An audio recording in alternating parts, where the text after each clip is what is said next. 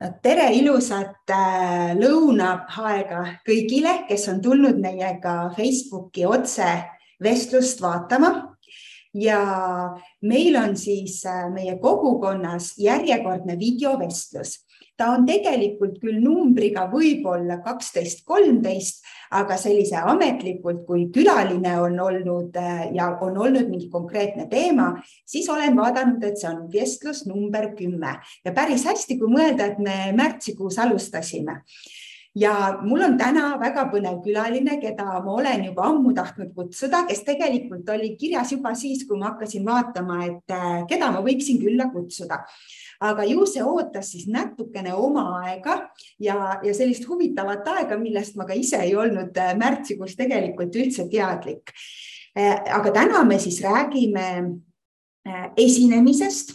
ja mitte siis ainult esinemisest sellises, sellises võtmes, nagu me arvame, et esinemine on ainult oskus Eh, nii-öelda nagu füüsiliselt laval olla, vaid tegelikult eh, palju sügavamas mõttes. Ja loomulikult uurime sinna juurde, et kuidas võiks ka visuaalsus aidata kaasa meie esinemisele ennem kui ma annan siis jutujärje Margole ja hakkame seda koos veeretama, siis tuletan loomulikult meelde, et kõik, kes te kuulate, olete oodatud tegema visuaalseid märkmeid, sest see on ju meie kogukonna põhieesmärk, et äh, tekitada võimalusi selliseks harjutamiseks, selline julg, äh, nii-öelda turvaline keskkond ja loomulikult olete oodatud neid ka jagama ja kes vaatab järgi, siis võib ka siis neid märkmeid teha ja jagada, sest meil on see kogukonnas ju kolm kuud see video üleval. lisaks ootaks kindlasti teid ka kaasa mõtlema, et kui sa nüüd nägid, et täna on selline vestlus oh,, Margo tuleb rääkima ja, ja kindlasti tulen kuulama ja et, et äkki sul on tekkinud ka mõni küsimus, mida sa tahaksid küsida Margolt või võib-olla minult äh, esinemise kohta ja samamoodi võid chatis jagada ka seda, et mis on sinu suhe esinemisega. et äh, Eh, noh, me paljud väga,, väga-väga paljud, enamus meist oleme tegelikult esinejad, eh, vähem või rohkem, aga kui palju seda sinu elus on? Eh, kuidas sa esinemisesse suhtud, kas sa seda natuke pelgad, iga kord on ärevus sees või oled sa selles enesekindel? ja võib-olla on sul endal mõni hea nipp jagada chati teiste jaoks, et mis on sinu sellised head esinemise nipid, mis aitavad siis sinul seda hästi teha. ja loomulikult, kes, kui meil on siis ka selliseid aktiivseid kaasamõtlejaid, siis oodake ilusti lõpuni, olge meiega lõpuni, noh, siis ju toimub ka see küsimuste vastamine rohkem ja, ja vaatame, võib-olla saame isegi loosida jälle mõne auhinna, nii nagu meil siin kogukonnas äh, on tavaks olnud, et kas siis äh, mõne meistriklassis osalemise või baaskursusele tulemise. nii et olge kindlasti meiega. Ja kui need, kes meiega on hetkel lõunatavad, siis head isu ka. Aga läheme siis meie külalise juurde. Ja külaline on meil siis Margo, kellel on tegelikult uhkeid nimetusi, ka mõned uhked tiitlid ja mina tegelikult äh, olen Margoga kohtunud äh, juba nii mitmedki aastad tagasi üllataval kombel just tegelikult siis, kui Margo tuli minu koolitusele. Ja see oli minu jaoks selline väga äge hetk, sest ma teadsin Margot juba enne, teadsin äh, Speak Smarti juures olin ruum, seal ruumides see koolitus toimus. Ja, ja kui ma nägin siis, et ta tuleb minu koolitusele, siis mul oli nii uhke tunne ja samas oli, eks ju, selline ärevus ka sees, et, et mingis mõttes on ju ka see visualiseerimine selline esitlustööriist, et kas ma seal ikka oskan neid selliseid õigeid asju rääkida selleks ja mulle väga meeldis, et Margo võttis osa näiteks digitahvli peal kaasa tehes, mis näitaski seda, et alati ei pea kõik olema ju paberil, me saame samasugust asja teha digitaalselt. Ja siis Margo oli see, kes tegelikult ka päris aktiivselt hakkas kasutama ja nii mitmelgi korral jagas mulle mingisuguseid asju, kuidas või kus ta kasutas. aitäh sulle, Margo, kõigepealt selle eest, et sa oled olnud selline äh, hea õpilane minu jaoks ja hea praktik ja ees, eeskujuks, inspiratsiooniks ka teistele aga mina ei tahakski sind tegelikult äh, ise tutvustada, vaid ma tahakski küsida niimoodi pigem, et räägi meile, paari lausega sellest, et kes sa oled ja mis sa igapäevaselt teed? Tere, Kati, tere, head kogukonna liikmed, kes te meid vaatate siin praegu ma olen siin maailmas selleks, et inimesi aidata, juhendada, õpetada, kuidas iganes me seda tahame nimetada. ja kõige põhilisemalt teemadel, mis on seotud ehm, veenmise, argumenteerituse ja siis ka suulise eneseväljendusega. See, kas sellel suulisel eneseväljendusel on eh, üks kuulaja, kümme kuulajat, kümme tuhat kuulajat, eh, ei ole võib-olla noh, nagu õppimise õpetamise seisukohast nii oluline, kuigi tunde ja kogemuse mõttes see muidugi on äh, üsna erinev, nii et ma töötan inimestega üks-ühele, aitan neil ette valmistada olulisteks esinemisteks või kõnedeks. Äh, ma usun, et kõik kogukonna liikmed siin on, on kuulnud mõningaid neid inimesi avalikkuses ka rääkimas, kelle ma olen, kellel ma olen aidanud valmistuda. Ähm, ma töötan meeskondadega, kus on soov oma ettevõtte, kas siis väljapoole või sissepoole peetavaid esinemisi, ülevaateid, kuukoosolekuid ja nii edasi muuta huvitavamaks, haaravamaks, aga ka efektiivsemaks, kiiremaks. Mõnikord teen avalikke gruppe, kus, kuhu saavad tulla inimesed niimoodi, ilma et nad oleks ühegi konkreetse meeskonna liikmed. nii et, et kõik, kõiksugustes vormides Rocca al Mare koolis olen, õpetan neid samu oskusi õpilastele, et jah, ühesõnaga nende, nende teemade ümber eh, palju mu tegevust tiirleb. Eh, sa muidugi natuke mainisid ühe teise võtme veel. Eh, ma olen alati olnud selline, kellele meeldib tehnoloogilisi uuendusi rakendada. ehk et ma vaatan, mis, mida tehnoloogia uut pakub ja siis ma kohe mõtlen, et okei okay,, kuidas ma saan selle kasutusele võtta, kas siis õpetamises või, või no nagu enda, enda jaoks kuidagi nagu võtta väärtust välja sellest ja noh, selle, sellest see tuli, eks ole, et, et ma tulin sinu koolitusele ja, ja proovisin seal siis seda teha nagu digivahenditega. nii et, et selline tehnoloogia joon jookseb mul kogu aeg nagu kõige selle kõrval, millest ma rääkisin ja sellest tulenevalt ka näiteks, eks sa ütlesid, et me kõik oleme esinejad. noh, ma arvan, nagu eriti paljud inimesed tänasel päeval on veebikaamera ees esinejad, eks ole, sellepärast et, et nii palju on neid koosolekuid ja esinemisi, mis on online'is ja, ja ma mäletan ka, et kui siis kahe tuhande kahekümnendal maailm sai siis raputatud äh, suure lockdowniga, siis äh, mul jäi silma, et teie tegelikult väga aktiivselt Speaksmartiga hakkasite ka jagama või tegema neid koolitusi just nagu veebiteemaliselt, eks ju, et mitte ei olnud siis see nagu see esinemise oskus, vaid oligi see Zoomi kasutamise oskus. Et äh, äh, räägi, räägi äkki ka äh,, tegelikult ma küsin praegu hoopis niimoodi, et aga kust sul see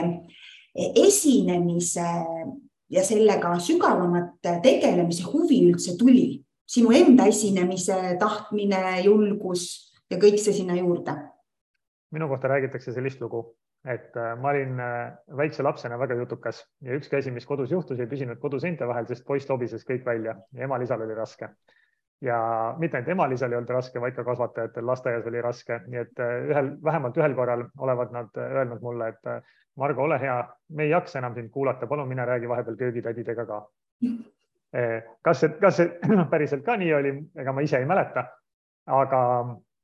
kuskil, ma arvan, no niimoodi põhikooliks ma olin täiesti tavaline, normaalne eh, koolilaps, kes, kes mitte sugugi nagu väga hea meelega ei roninud kuskile eh, lavale ega teiste ette rääkima, aga siis ja aeg oli siis üheksakümnendate keskel, jõudis Eestisse selline nähtus nagu akadeemiline võistluslik väitlus kus tuleb just nimelt äh, aja peale esitada kohtunike ees oma parimaid argumente kõige veenvamal võimalikul moel äh, siis suuliselt esitada. ja, ja selles oli nii mitu erinevat asja selles väitlusliikumises, mis mind kõnetas. Äh, ma, ma haakisin sellega kohe üsna algusest. Hiljem asutasime Eesti Väitlusseltsi, võistlesin, siis treenisin. nii et, et sealt sai nagu kuidagi uue hoo, kui me selle lapsepõlveloo nagu Eh, jätame sinna, sinna kaugemasse minevikku.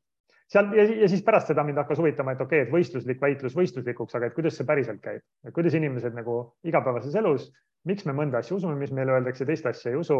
ähm,. Kuidas me saame äh, anda oma mõtetele võimaluse, see on selline asi, mis mind ennast nagu käivitab, inspireerib, et, et paljudel inimestel on häid mõtteid, aga kui nad ei julge neid või ei oska neid välja öelda, nii et teised ka aru saaksid, et need on head mõtted, siis nendest mõtetest ei tule midagi. ja, ja noh, minu meelest see on nagu kurb ja nagu sa ütlesid, hästi paljud ähm, ametid, töökohad, aga ka ühiskondlikud asjad vajavad tänapäeval seda, et sa oma mõtteid räägid, neid, neid jagad teistega ja, ja noh, siis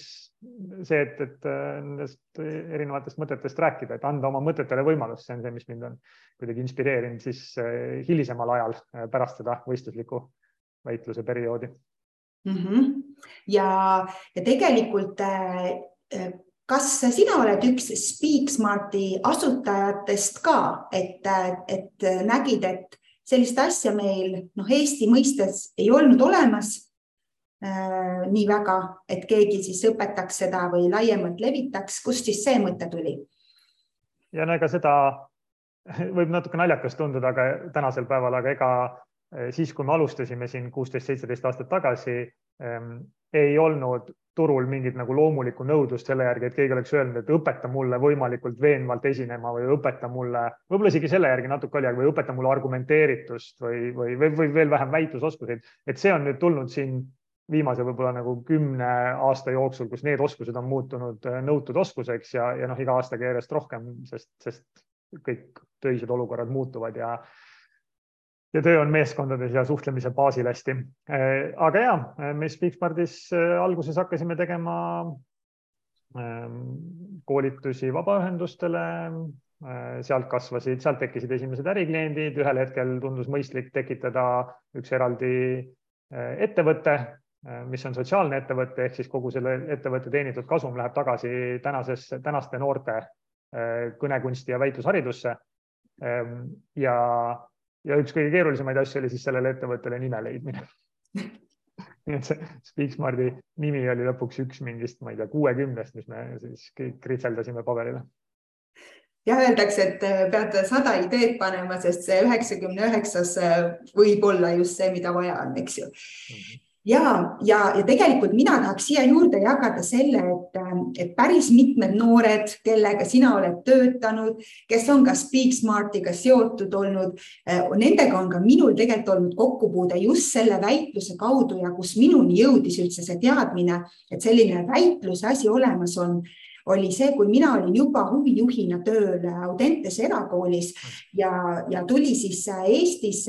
Rakverest ühe õpet-, inglise keele õpetaja Tuuli Länniku kaudu. Selline asi nagu Euroopa äh,, mudel Euroopa Parlament, kus noored siis mudeldasid läbi seda Euroopa Parlamenti ja kus oli siis, oligi peamine tegelikult see oskus väidelda, argumenteerida otsida seda äh,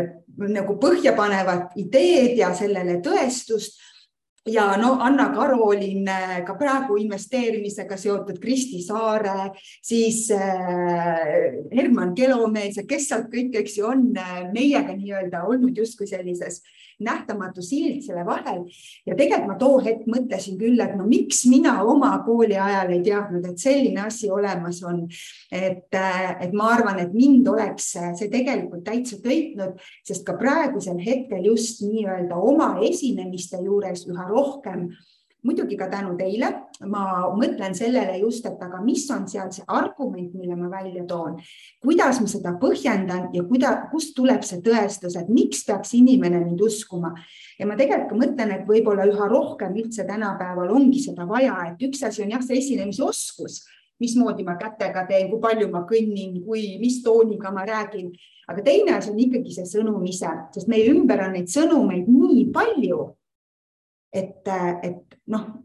kust sa tead seda, mis sa tuleb ja räägid mulle praegu? et mulle tundub, et see on isegi noh, selline ka teil, teil rohkem fookuses kui siis see esinemine sellises füüsilises mõttes mm,. ma ütleks, et nad on võrdselt olulised, kui meil noh, väitluses on ka nagu erinevaid formaate ja, ja erinevad formaadid panevad need kaalud erinevalt, et on selliseid formaate, mis ütlevad, et sisu on olulisem kui esinemine, aga on sellised, mis ütlevad, et nad on võrdselt olulised sest äh, no veel korra, ega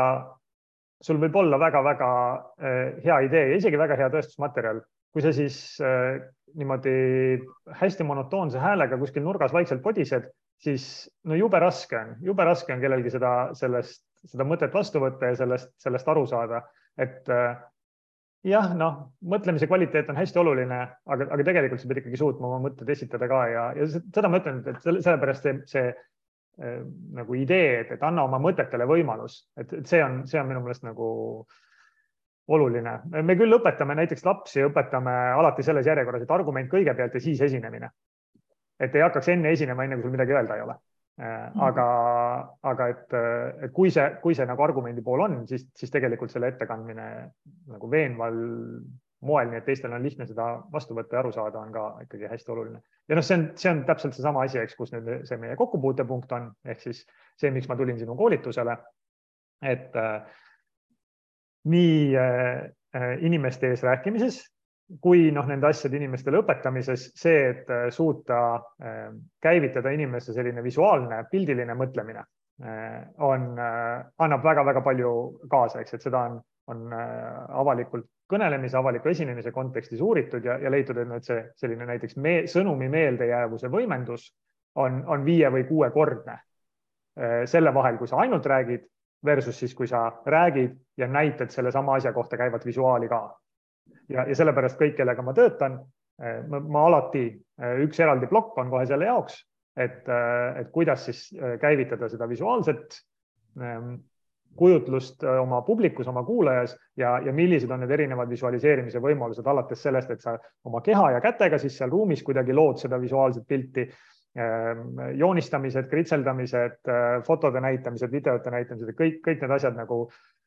korraks vaatame neile, neile otsa, vaatame, kuidas neid saab äh, kasutada ja noh, selleks, et inimesi juhendada, ma pidin kõigepealt natukene ise paremini oskama kui ainult, äh, ainult kriipsujukku, aga siis ma tulin su koolitusele ja sain teada, et tegelikult kriipsujukud töötavad ka, peab lihtsalt oskama ilusaid kriipsujukusid teha. Jah, just täpselt ja, ja noh, tegelikult tõesti on see, et ega ka see oskus, eks ju, lava peal olla. aga me oleme nüüd sellest, kui me läheme nüüd sinna juurde ka, et, et kui meil oli siis see pealkiri, et on meisterlik esinemisoskus ja sinna siis ka sai kirjutatud siis paar sellist punktikest juurde ja üks oligi just see, et, et kas ja kuidas on üldse siis nagu see meisterlik, meisterlik esinemine noh Äh, vajalik, äh, võimalik ja küsiks äh, võib-olla kõigepealt just niimoodi, et noh, me noh, rääkisime sellest, aga kui sa veel tooksid välja, et miks on siis oluline ikkagi osata oma seda, oma mõtetele see võimalus anda? kuidas sina selle välja tooksid? me, me näeme ühiskonnas selle, selle olulisust ähm, Äh, selle, nagu meil äh, satub mõnikord mõni ähm, väga hea oskuslik kõneleja ähm, poliitikuks, võib-olla isegi juhtivaks poliitikuks, kelle väärtused lähevad kaugele lahku no kas meist endist või nagu enamikust ühiskonnas või, või, või, või suurest grupist ühiskonnas. Ja, ja siis ta kasutab oma, oma kõneoskust äh, selleks, et ähm, kallutada ühiskondlikke otsuseid mingis suunas noh, talle sobivas suunas. ja kui nüüd teisel pool, isegi võib-olla nagu suurema grupi inimestega väärtuste poolest paremini klappival inimesel on kõneoskused väga kehvad, siis ta jääb alla. ta jääb alla selles teledebatis, ta jääb alla nagu ühiskondlikus äh, sellises äh, debatis ja, ja see ei ole sellepärast, et ta argument oleks kehvem või et tal oleks tõestusmaterjali vähem, ta argumendid sageli on paremad ta lihtsalt kõneoskusega ei suuda nagu olla seal kõrval ja, ja noh, seda on mu käest palju küsitud, et, et kuidas selle demagoogiaga toime tulla demagoogiaga iseenesest on üsna lihtne toime tulla, kui sul kõneoskused on sama head kui sellel demagoogil. et sageli ei ole mitte demagoogia see, mis kuidagi väga mõjule pääseb, vaid see, see, kes demagoogiat kasutab, on lihtsalt ühtlasi ka nagu meisterlik esineja.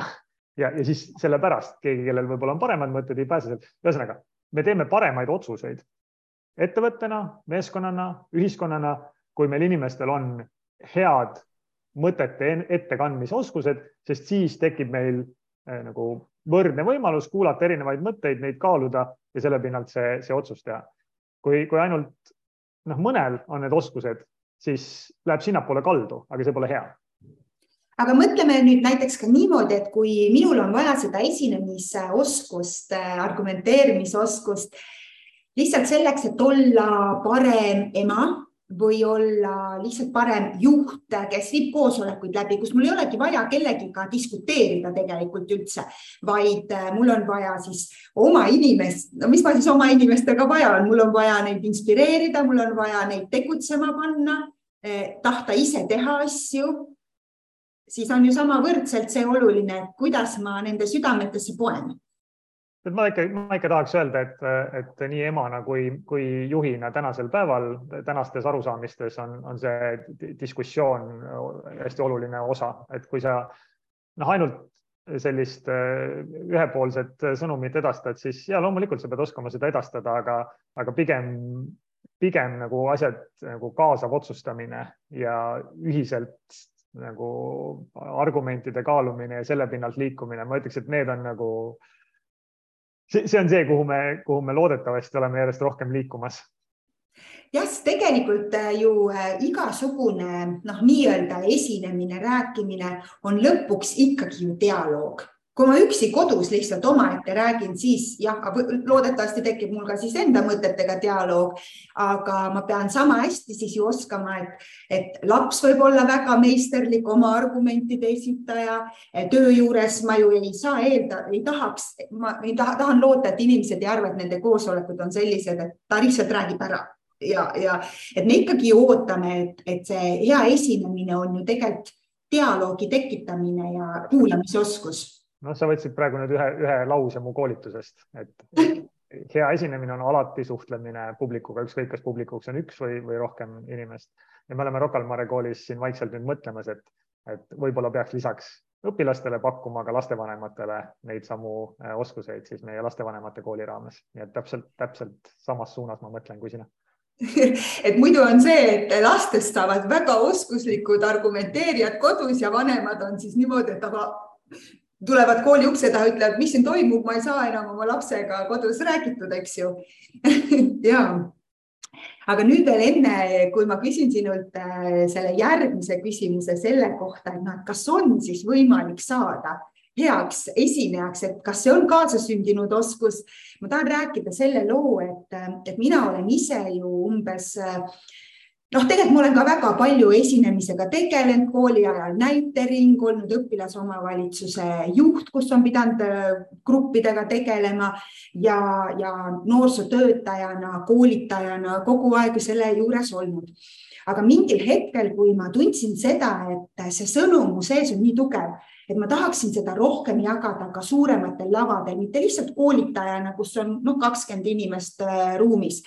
ja, ja, ja, ja samamoodi nagu, nagu ka sinul see, et tuli see argumenteerimise ja see põnevus, see väitlus ja siis see tõi esinemise kaasa siis minu tegelikult selline suurem avalik esinemine tuli ka ikkagi sellest, et ma lihtsalt ei mõelnud kodus, et ma tahan lavadel olla, ma tahan esineda suure rahva hulgas, et kõik mind vaataks, vaid pigem noh, sellest samast, et see jagamine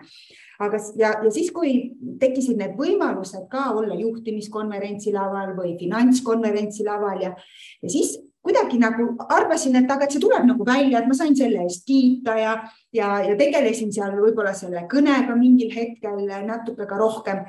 aga võiks nii öelda, et tegelikult nüüd, kui sellel aastal tuli siis see mõjukõneleja konkurss, kus siis äh, oli võimalik osa võtta, kuigi tegelikult see algas ka juba võib-olla jaanuaris, kui ma otsustasin Nordic Business Forumi kõnevõistlusest osa võtta, kust ma küll ei saanud äh, poolfinaalist edasi. Aga teangi nüüd ka, et mitte, et võib-olla ma ei oleks ka siis saanud, aga ma tean juba mingeid asju, eks ju.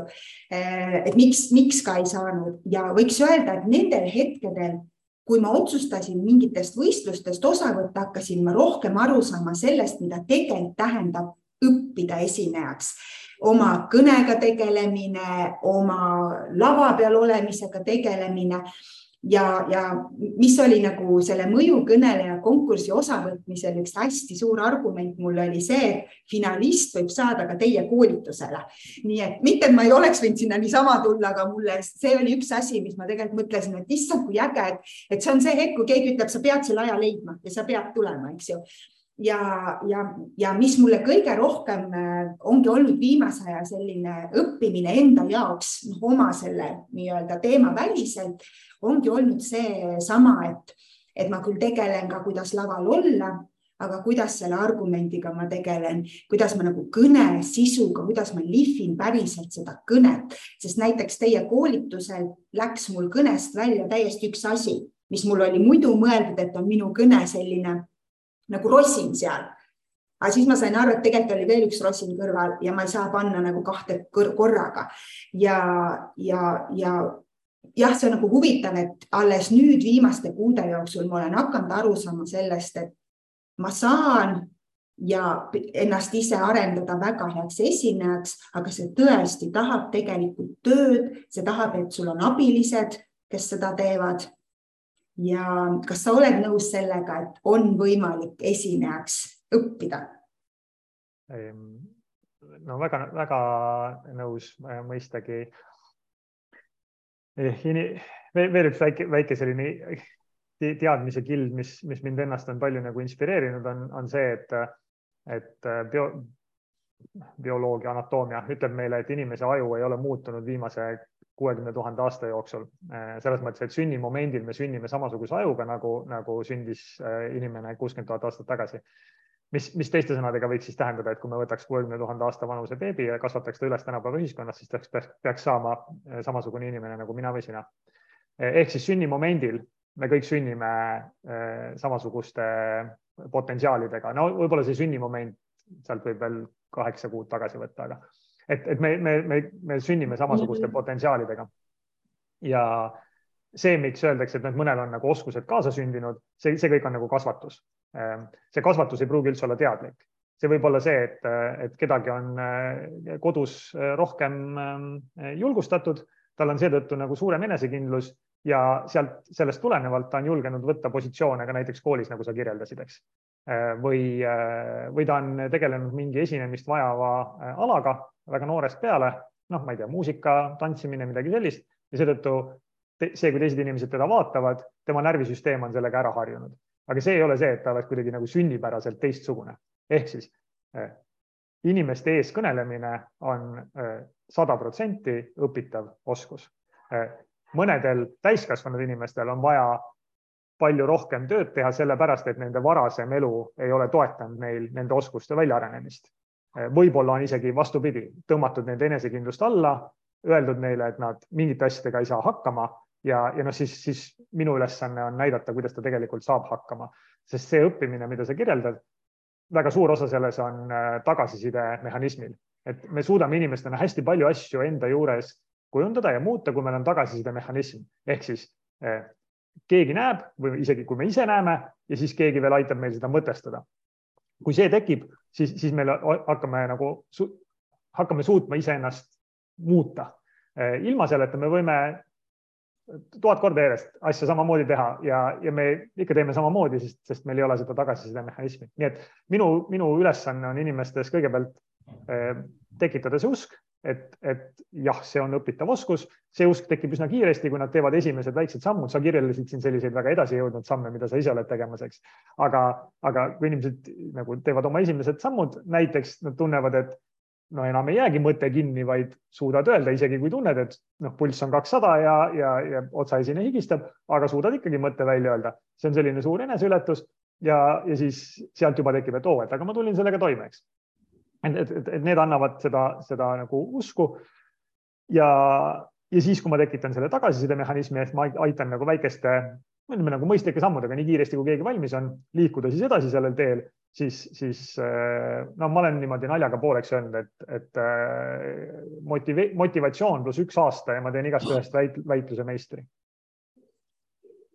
mm. -hmm, mm -hmm. seda on äh, väga nii-öelda innustav kuulda ja võib-olla küsiks siia vahele ka seda, et kui on, sa tõid selle näite, eks ju, et on inimene, kes noh, ei julge lavale minna ja siis, et teda nagu nii-öelda selleks, selleks treenida. kas on olnud ka selliseid inimesi, kes on, äh, kuidas ma ütlen siis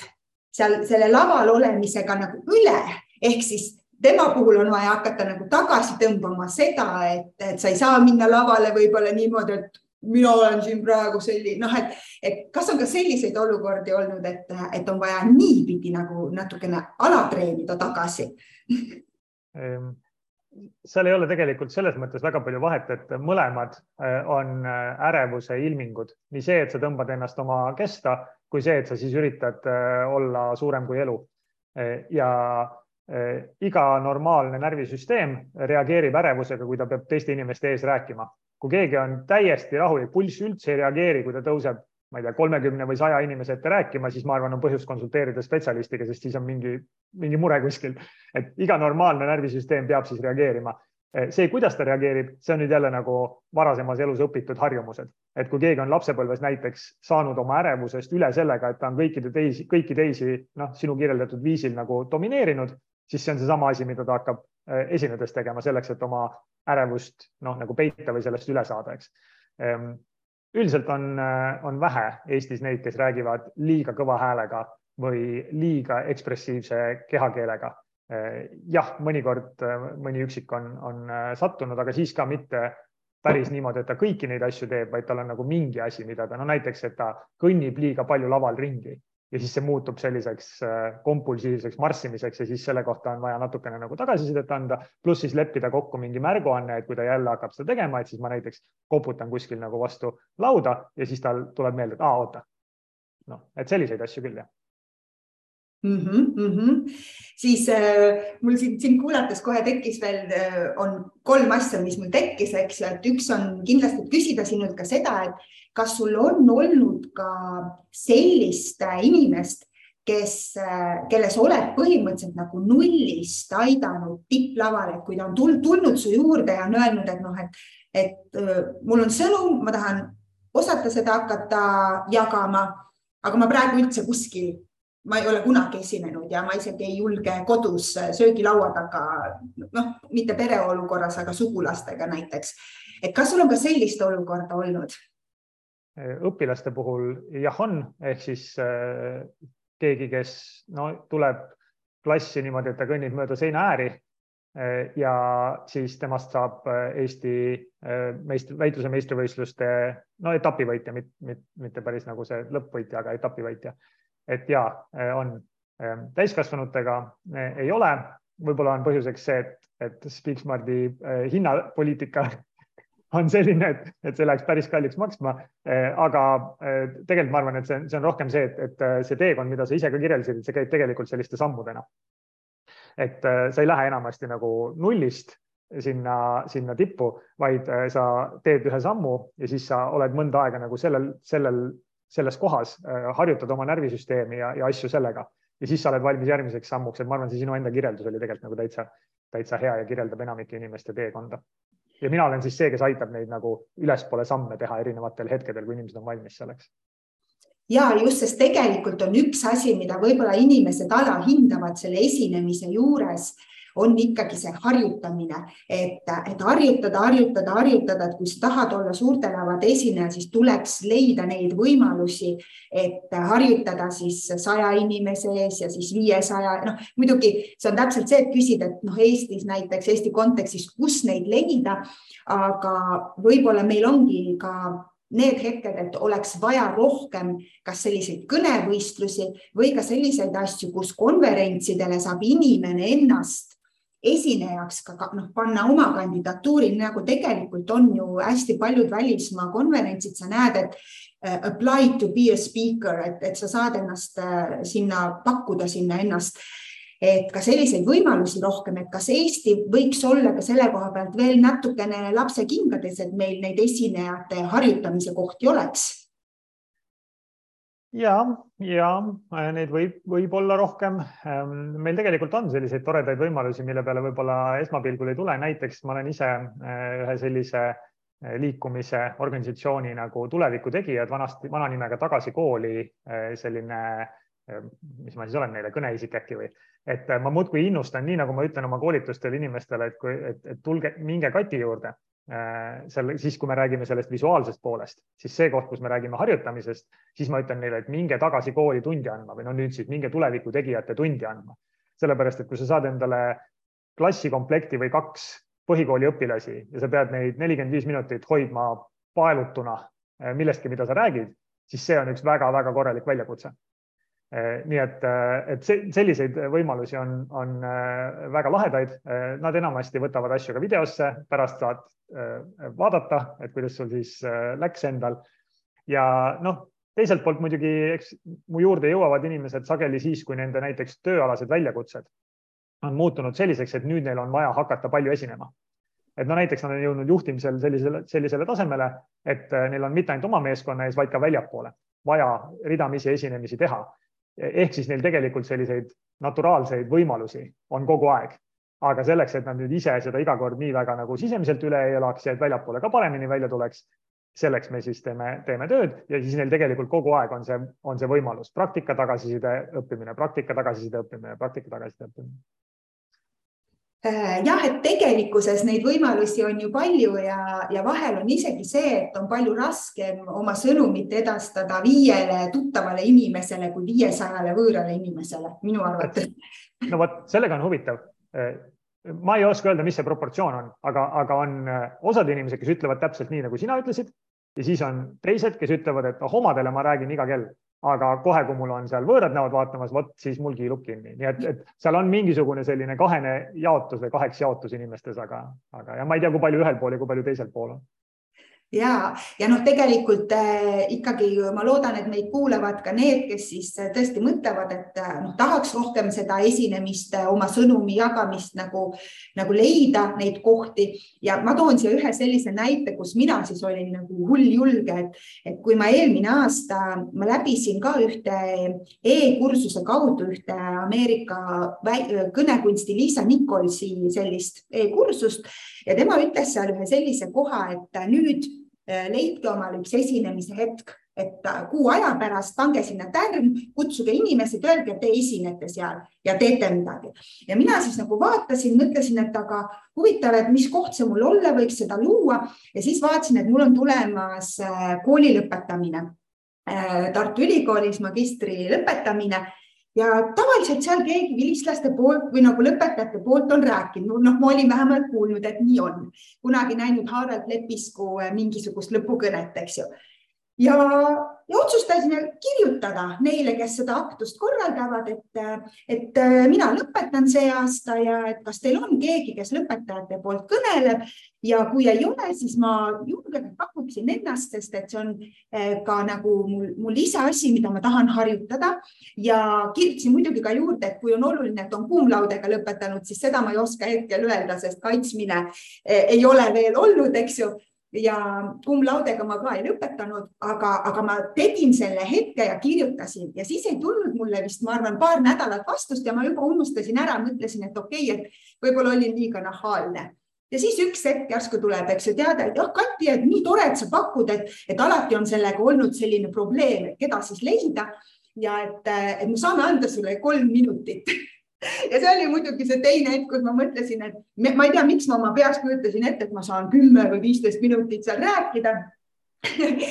Ja siis ma mõtlesin, et oi pagan, mis ma nüüd tegin endale kolm minutit. Ja aga, aga see, et hakata siis seda kõne looma, lihvima, täpselt vaatama ka neid mingeid samme, mida see õpetaja sellel hetkel seal jagas ja seda siis, seda esinemist teha, siis see tegigi ju selle kursuse läbimise sellel hetkel mulle ju äh, äh, nagu kasulikuks üldse ja noh, nagu täpselt samamoodi ka see, kui oli see mõjukõneleja konkurss, siin ka meil äh, Triinu Pääsik on aktiivne kuulaja, kes kirjutab kaasa. tere, Triinu, sulle nii tore. Ja just see, kuidas ta ütleb, et hea näide, et, et äh, ei saa mitte lihtsalt siis äh, kohta, vaid saad koolituse juurde. Ja see oli siis see, et finalistid said siis selle teie koolituse juurde. Ja see oligi see hetk, et, et mitte lihtsalt ei ole, noh, tule näita, mis sa oskad vaid meid ka nagu õpetati selleks, et see oli no., see oli nii väärtuslik hetk. parimad äh, konverentsid tänapäeval teevad seda, TEDx-id äh, praktiliselt kõik, noh, see tase võib natukene erineda, aga, aga praktiliselt kõik äh, valmistavad oma kõnelejaid ette jah, jah, suuremad konverentsid ka, eriti kui nad näevad, et, et on natukene vaja, et mõtted on väga head ja kvaliteetsed, aga et inimene vajab toetust, et siis nad pakuvad seda, seda varianti juurde kõikidel kõikidel ei ole selleks võib-olla võimalust, aga nii et ja lõpukõned, ma arvan, on üks väga hea, hea näide. iga kevade käib ju üks selline suur lõpukõnede ring äh, üle Eestimaa, alates lasteaia lõpetamistest siis kuni, kuni tõesti äh, ülikooli lõpetamisteni välja ja, ja, ja praktiliselt alati on seal nagu tegu sellega, et no kelle me siis paneme sinna rääkima, sellepärast et meil ei ole selles noh, tavapärases formaalhariduses neid kõneoskuseid veel ikkagi nagu tavapärasena sees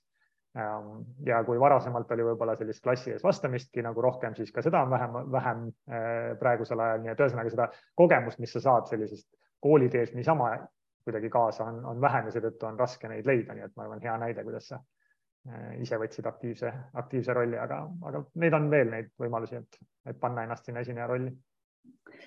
no väga põnev. Ja tegelikult nüüd äh, on aeg, et hakata vaikselt jõudma ka selle juurde, millest me oleme ka juba rääkinud, muidugi see visuaalne pool, aga ma küsiks enne, meil on siis äh, Triinu äh, ka teinud siia sellise küsimuse ja ma arvan, see sobib ära küsida. et kui me mõtleme mõnele heale kõnelejale, kes ei tee oma sõnumiga teistele head et mitte kedagi eriliselt välja tuua, aga aimata ilmselt, kellele ma vihjan nii Eesti kui maailma kontekstis. mida on meil neilt õppida, mida nad teevad teisiti, mida need on ja mida äh, on jätnud kahe silma vahele. kas äkki siis Triinu mõtleb, et mida on jätnud kahe silma vahele need, kes, kes teeksid oma sõnumiga äh, head see on täpselt see, mille, mida ma enne üritasin öelda, et kui äh, keegi, kes on kõneoskustelt hea, aga väärtustelt ei klapi sinuga, äh, siis äh, räägib vabalt ja veenvalt ja need, kes sinu, sinuga väärtustelt klapivad, siis räägivad niimoodi kuivalt ja ilmetult, siis nad jäävad lihtsalt nagu alla sellel, sellel, no on ta meediadebatt või on ta kuskil, ma ei tea, arvamusfestivali lava või on ta mingi teine selline koht, eks. Nii et et noh, et ega seal ei ole nagu muud teha kui see, et me peame rohkematele inimestele andma häid esinemise oskusi, ega me ei saa teistel nagu keelata ära oma oskuste kasutamist, mis neil loomulikult olemas on. ma siin koha peal võib-olla tahaksin siiski inimeste tähelepanu juhtida sellele, et eh, kui me räägime näiteks eh, konservatiivsetest poliitikutest Eestis täna, rahvuskonservatiivsetest, siis eh, seal on sageli ka korralikke argumente seal on, seal on demagoogiat kindlasti ja, ja terve hulk, aga seal on ka sageli ka korralikke argumente, aga inimesed ei kuula selle argumendi sisu, nad kuulavad, mis väärtust see esindab ja kuna nad ei nõustu selle väärtusega, siis nad ütlevad, et see on jama argument. tegelikult argument on hea, ta on lihtsalt hoopis teise väärtusbaasi pinnalt. nii et ega nad ei räägi nagu, see ei ole see, et nad räägivad alati jama ja teevad seda veenvalt. Äh, nad võivad rääkida teinekord ka täitsa häid argumente, lihtsalt nad on väga teistsuguse väärtusbaasi pinnalt kui see, mis kuulajal on, et tasub kuulata lihtsalt terase kõrvaga jah, et, et ma arvan, et sealtpoolt, kui me rohkem hariksime inimesi paremateks rääkijateks nii selle koha pealt, et argumendioskus, väitlusoskus, esinemisoskus, et siin tegelikult kummutada natuke ära see, kui mina alguses ütlesin, et võib-olla ei olegi nii tähtis, et tegelikult täpselt olenebki, mis oskus sul rohkem on, mida sa pead juurde timmima. Äh, aga et sellega koos me tegelikult kasvatame ka neid, kes mõistavad rohkem seda vestlust ja, ja argumenteerimist, mida me näeme kui tarbijad, kui valijad näiteks. Ma jagasin, maailmas on üks väitluste sari, avalike väitluste sari, Kanadas toimub Munk Debates, eesti keeles on Munk, M-U-N-K, Munk Debates ja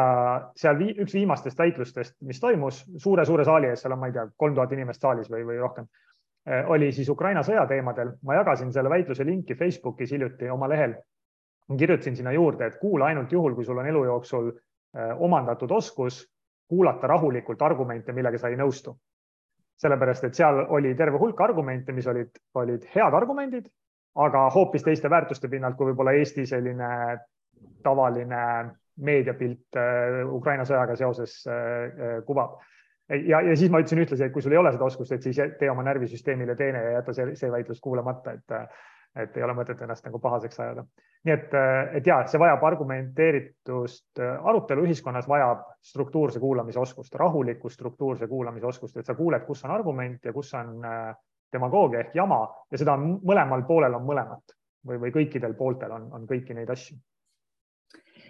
väga hea, eh, kuna meil on siin eh, kokku lepitud see, et me umbes tund aega vestleme, siis ma arvan, et nüüd on see hetk ka, kui korraks veel teravik suunata selle suunas, mis on siis meie selle grupi selline mõte, see, et meil on see visuaalne lihtsustamine, et kuidas me seda erinevates olukordades kasutame. Ja, ja see oli juba jutuks ka, et visuaalsus on väga oluline, et luua neid pilte, kas siis näidata või, või kehaga luua või, või sõnadega metafoor peas luua. aga räägi sellest, kui esinejana, siis kui palju see visuaalne oskus enda tööriistana aitab kaasa olla parem esineja ehm.? kui aitab või, või mis sa arvad siin? Sa mõtled, et kas kas ta aitab kaasa siis esinejale endale, mitte siis publiku arusaamisele? just, et kas, et kuidas ta aitab olla mul parem esineja, ette valmistada, et kas ta võiks olla üks tööriist? ma arvan kahte, kahte moodi. Ehm, esimene osa on see, kui sa nagu läbi mõtled oma asju. Ehm, sellepärast, et noh, ütleme visuaalselt asju läbi mõelda on teinekord palju selgem, kui neid äh, kirjutada selline A4 dokument nende sõnadega, mida sa kavatsed inimestele öelda. Ähm, ja, ja, ja see, need sõnad, mida sa ütled, ei pruugi sulle endale üldse nagu panna niimoodi pilti jooksma. Äh, ja siis on keeruline neid sõnu ka kuidagi meelde jätta, et mis järjekorras, mis asju sa pead ütlema, sellepärast et sul ei ole seda lugu, mis su peas niimoodi kerib ja, ja jookseb. Versus, et kui sa tegelikult oled selle enda jaoks nagu ära visualiseerinud või, või noh, üles kritseldanud, et siis äh, esiteks ta kõnetab sind ennast nagu sügavamal tasemel, aga teiseks teda on palju lihtsam meelde jätta, sellepärast et sa justkui vaatad seda, no ütleme siis filmi või multikat enda peas, mis sul jookseb ja siis lihtsalt kirjeldad seda publikule. nii et, et selles planeerimise või läbimõtlemise faasis, ma arvan, on, on äh, nagu väga hea töövahend endale asju visualiseerida. Ja noh, loomulikult siis, kui sa seda seda rääkima hakkad, siis miks mitte pakkuda sedasama kogemust oma publikule, kellel jääb paremini meelde ja nad saavad paremini aru, kui neil tekivad visuaalsed seosed. et mulle meeldib teinekord tuua seda võrdlust, et kui äh, inimesed kuulavad sellist abstraktset teksti ilma visuaalita ja saavad sellest aru, siis nad reageerivad umbes nii, et mm -hmm, mm -hmm, ja ahah. ja siis, kui neil tekib visuaalne pilt noh, kas siis sõnadega loodult, aga palju parem kui visuaalselt loodult, siis neil on nagu aa, ehk siis tekib niisugune nagu taipamine, sellepärast et tekib pilt silma ette. Äh, nii et, et noh, nendes kahes asjas, ma arvan, on nagu väga-väga kasuks ja, ja see on see, kuidas ma ise kasutan mm. -hmm. ma siin samal ajal, kui sa rääkisid, siis tegelikult äh, kritseldasin sellised paar struktuuri, et mida siis need, kes visuaalset lihtsustamist, äh, noh, tegelikult sa ei pea olema selleks ka õppinud, et võib-olla tõesti see teekonnapilt on selline, mis on visuaalse lihtsustamise tehnikale natuke omapärasem asi, mis on siis alati see kõige suurem ahaa-moment tegelikult sellel koolitusel, aga seesama teada-tuntud mõtte või mõistekaart, eks ju, et sellel samas, et kui hakata lihtsalt oma mõtteid sellisena panema paberile, siis jällegi noh, seal ei ole seda seost, saab kasutada enda jaoks pigem siis sellist mõiste või mõttekaardi, et noh, mis on üldse see, et mul on see teema, mind kutsuti rääkima, ma tahan rääkida, selline sõnum. mis ma siis sellest tahan üldse jagada ja, ja mis nagu omakorda minu jaoks teeb selle mõttekaardi mõnusaks, on see, kui ma toon siia mingi siis sellise noh, kas mingi argumendi või võib-olla hoopis mul on mingi lugu, siis mis ma saan siin tekitada, ongi see, et nüüd mõelda, et kas mul selle argumendiga seoses on see lugu või mis, kui mul on see lugu, siis kust kust on see nagu nüüd see argument selles loos, mhm. et see annab selle võimaluse hakata siis nagu laiemalt ka nägema seda oma sisu ja samas siis seda, kuna me läbi lugude õpime, eks ju. jah, ja äh, lood on, on ka üks selline teema, millega ma esinejatega päris palju tegelen sellepärast et eh, kui sul näiteks ei ole ühtegi muud asja, et noh, ma ei tea, joonistada ei lubata, slaide ei saa näidata, oled puldis paigal, sest mikrofon on staatiline ja, ja kuidagi nagu vehkida ei saa, noh siis ainukene asi, mis sulle tegelikult jääb, on see, et sa lihtsalt räägid nii palju häid lugusid, eh, et inimestel hakkab see lugu või see, see pilt, film jooksma nende, nende vaimusilma ees ja siis sa saad sealt selle visuaalse efekti kätte, et noh, väga palju parem on, kui sa ikkagi saad nagu näidata või joonistada või kritseldada, aga, aga, aga kui midagi muud ei saa, et siis selle looga ikka saad selle visuaalse kogemuse tekitada. ja just ja kui mõelda seda teeraja viitet, loomulikult saab ka sellisel viisil noh, seda seda pilti, aga mina ise nagu kasutan just siis sellena, et, et siis ma hakkan tooma siia peale seda, seda, et mismoodi ma siis nüüd, kui pikk see kõne üldse on, mismoodi ma seal jaotan ajaliselt neid asju natukene. Ja, ja tegelikult ma teen täiesti ka sellisel viisil, et, et kui on näiteks see kaheteist minuti kõne ma pean olema niimoodi, et kui kolm minutit on lõpuni, ma pean selle asja, seda asja hakkama jagama, sest muidu kaob võib-olla mõte ära. Ja kui ma ka siin olen pikemalt teinud, siis ma pean siin midagi nagu ära jätma, et hakata endale ka tekitama sellist noh, nagu ajalist, noh, see on võib-olla sihuke tehnilisem õppimine juba, aga, aga see on see, mida tegelikult ma siin noh, ei saa endale võib-olla sellisel viisil kuidas ma ütlen, ta ei jää mulle meelde seal laval olles, ma ei mäleta seda, vaid mul tuleb ette see pilt visuaalselt. jah, ja head esinejad oskavad ennast ajas juhtida, äh, nõus. Ja ühtlasi nõus sellega, et see on, see ei ole esimene samm, ta on oluline samm, aga ta ei ole esimene samm. Jah, seda küll, et äh, pigem noh, need mõtted, eks ju, et kuidas saab visuaalselt mängida erinevate asjadega. Ja kui me mõtleme, et väga paljudel on esinemisteks, eks ju, see probleem, et noh, kas meelde jääb et siis need tehnikad on, noh, see on ka selline lõpuks, et jälle uus teema, millest võiks pikalt rääkida. aga ja. nagu kunagi, ma toon selle ühe näite, palee meetod oli ühel äh, vana, vana, ma ei tea, mis iganes juht ta siis oli ja, ja tema jättis siis kõnesid meelde, et kuidas tal palees asjad siis nagu asetsevad ja kui ta läks kõnet pidama, siis ta käis mõttes siis läbi oma selle paleeruumi ja iga asja juurde oli talle mõeldud siis see mingi nipp et noh, mõnes mõttes justkui sama selline teekond ja mul on muidugi selle visuaali ja esinemistega seoses selline, selline, ma ei taha nüüd öelda kanava kitkuda, aga ma ütleme, et asi, mida ma tahan südamelt sageli ära rääkida. väga paljusid esinemisi tänapäeval saadavad slaidi presentatsioonid, see on peaaegu selline nagu üks-ühene seos kipub olema ja seal slaidi presentatsioonidest väga tihti teha, mõeldakse siis niimoodi, et ma võtan oma selle Wordi dokumendi või siis need ettevalmistatud märkmed ja siis salvestan selle docx-i siis PPT-X ringi, võib-olla kustutan sealt natukene nagu lauseid vähe, vähemaks, teen sinna punktloetelu ja siis see, see on siis see slaid, mis minu juttu saadab või see visuaal. et noh, tegelikult see ei ole mingi visuaal, eks. et äh, ma olen kõikidele, äh, kes on, kellega me oleme slaididega seoses töötanud, öelnud, et sinna ülesse, kuhu, kuhu tavaliselt küsitakse pealkirja, mis on kõige suuremalt kirjutatud sinna tuleb panna see sõnum, mis sa selle slaidiga öelda tahad. ja kui see ei mahu ühele reale, vaid läheb kahele reale, siis on ka täitsa okei okay., et sinna paned sõnumi ja siis see kogu see alumine osa, kuhu tarkvara tahab panna seda punktloetelu, sinna käib tegelikult pilt. ja see pilt võib olla, eks ole, graafik. Ähm, ta võib olla foto, äh, ta võib olla, mina ise teinekord äh, teen, mul on, mul on omad püsi, püsiva slaidi presentatsioonis sees sellised slaidid, kus ma olen joonistanud käsitsi sinu poolt õpetatud oskustega pildi teinud sellest foto ja tõstnud selle slaidi peale. see on sageli kiirem kui see, et ma üritan seal nende PowerPointi vahenditega neid kaste ja nooli äh, vedada. nii et, et äh, kui me saaksime kuidagi nagu PowerPointi esitlused visuaalsemaks, siis äh, maailm oleks homme juba nagu viis protsenti parem koht ja, ja, ja nagu esinemised kõnetavamad, sest see on nii levinud, see, see praktika ja just, et äh, ma oma koolitusel ka tegelikult seda poolt äh, tihti puudutan, et sest palju arvataksegi, et see visuaalne lihtsustamine, see visuaalsuse pool, et see on minu kui esineja tööriist. Kuigi noh, ma eelkõige õpetan teda kui mõtlemise tööriist, et üldse olla valmis selleks kõigeks, mis ma teen, aga tõesti see, et, et kuidas me ka asju esitleme, et see on väga oluline mul vahepeal vaatasin, mul hakkas päike nii hirmsasti paistma, ma natukene siit võib-olla keeran, et enam, enam vast ei olegi see nii oluline. et äh, aga äh,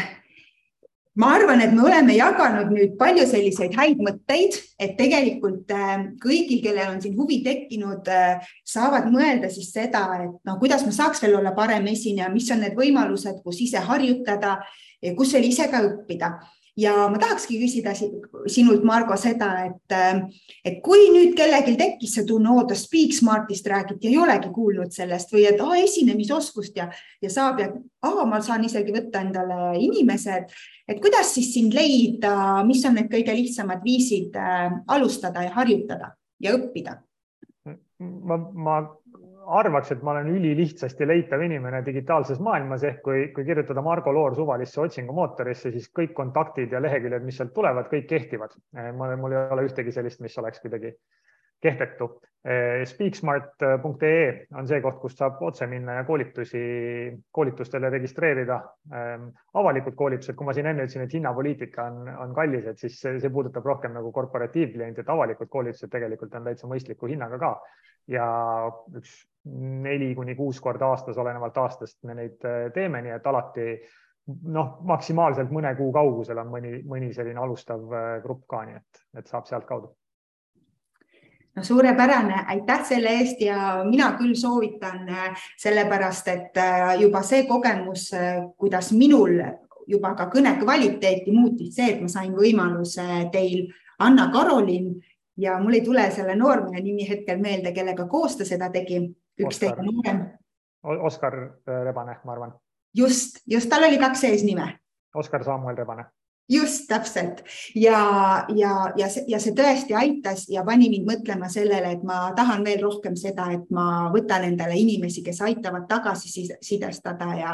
ja, ja, ja ma olen ka näiteks ise julgenud välja öelda, et ma tahan jõuda sinna, et ma saaksin esineda kümne tuhande inimese ees ja selleks on kindlasti vaja ka tuge juurde, mitte lihtsalt nagu üksi seda teha. Ja, ja mina veel tegelikult äh, ennem kui me siis võtame kokku selle, tahaksin öelda nii palju, et, et kui, kes seda kuulas ja on visuaalset lihtsustamist juba õppinud, praktiseerinud, siis minul on tegelikult ka järgmine nädal algamas selline meistriklass nagu esineja meistriklass, kus me tegelikult äh, panemegi teraviku sinna, et kuidas esinejana. Rohkem siis enda ettevalmistamisel ja oma siis nii-öelda noh, kas slaidide või lugudega seda visuaalsust rohkem sisse tuua, et see on selline kolmepäevane meistriklass. Ja kuna meil on siin väga aktiivne kuulaja Triinu, siis äh, Triinule tahan ma pakkuda selles meistriklassis osalemist täiesti tasuta, et aitäh, et sa siin kaasa mõtlesid, kirjutasid, aga kõik, kes äh, kuulavad seda järgi, sest noh, praegu on selline lõunaaeg või kuulad teist korda ja, ja tahad kirjutada, siis olete oodatud kirjutama siia alla asju, peegeldama mingeid mõtteid, küsima minult või Margolt midagi, et äh, saad meid ära tag ida, et me näeme seda küsimust ja ma panen kindlasti sinna alla mõned lingid ka, millest me rääkisime ja kui Margo, sina tahad mõnda linki jagada, võid ka julgelt sinna alla panna, et kas näiteks, ma ei tea, mõne esinemisoskuse kohta või mõni hea väitlus, eks ju, nii et et, et see on selline hea, hea koht, kus saab inimene tagasi tulla ja vaadata. kas sa tunned, Margo, et sa tahaksid midagi nüüd veel öelda, ennem kui me siis lõpetame selle tänase vestluse? Mul on üks asi, mis ma teen äh, oma koolituste alguses sageli ja see on see, et ma palun, palun inimestel võtta paberi ja pliiatsi ja midagi joonistada. ma ütlen neile siis nagu iga kord mingisuguse selle teema ja lause, mis siis väga sageli vastu kõlab, on, et oo, ma ei oska ju joonistada ja, ja mul on tunne, et see on nagu see, kus, kus meil on üks selline ühine punkt, et, et väga sageli inimesed tõmbavad iseennast esinedes rohkem tagasi või nad ei võta esinemisvõimalustest kinni, sest nad, neil on kuskilt jäänud see mõte, et aga ma ei oska ju esineda või mul ei tule välja. täpselt nagu, nagu joonistamisega ja siis, kui sa kui nad reaalselt siis võtavad koolitusel, eks ole, selle pliiatsi kätte ja joonistavad, siis kõik inimesed suudavad sinna tekitada mingisugused kujutised, mis on teistele arusaadavad. ja, ja see, et, et keegi teeb nagu kriipsujuku ja mingi kasti, kui ta ütleb pärast, et see kast on maja või see kast on, ma ei tea, tahvelarvuti, siis kõik saavad aru sellest. ja täpselt samamoodi nagu esinemisega, et, et äh, me tõmbame ennast peaaegu kõik esinejatena palju rohkem tagasi, kui me tegelikult nagu põhjendatult äh, peaks. et, et kõik inimesed suudavad joonistada ja kõik inimesed suudavad esineda ja jah, neid oskuseid saab lihvida ja selleks on vaja tööd teha, harjutada ja tagasisidestada, aga ükski nendest asjadest ei ole midagi nagu võimatut, üle jõu käivat või, või ainult kaasasündinult kuidagi kättesaadav no suurepärane, see on äh, nii hea mõte, millega lõpetada, täpselt selline sild meie mõlema teema vahel. Ja, ja meil on äh, kindlasti veel rohkem ühist ja, ja palju kohtumise kohti. aitäh sulle, Margo, et sa võtsid selle aja, et tulla, jagasid häid mõtteid aitäh, et sa teed seda, mis sa teed, sest et äh, nagu mina ka ütlen, et see joonistuse oskus, mida peaks olema rohkem koolides ja hariduses. ma loodan, et me ükskord näeme esinemisoskust ka juba kuskil programmides, koolides palju rohkem sees. nii et, äh, et jõudu meile siis meie asjade ajamisel jõudu meile, tänutunne on vastastikune ja, ja aitäh kõigile, kes siis tulid kuulama või kes seda järgi kuulavad ja kohtume siis juba uutel vestlustel või siis äh, Margoga kuskil koos õppides või minuga koos õppides. aitäh teile.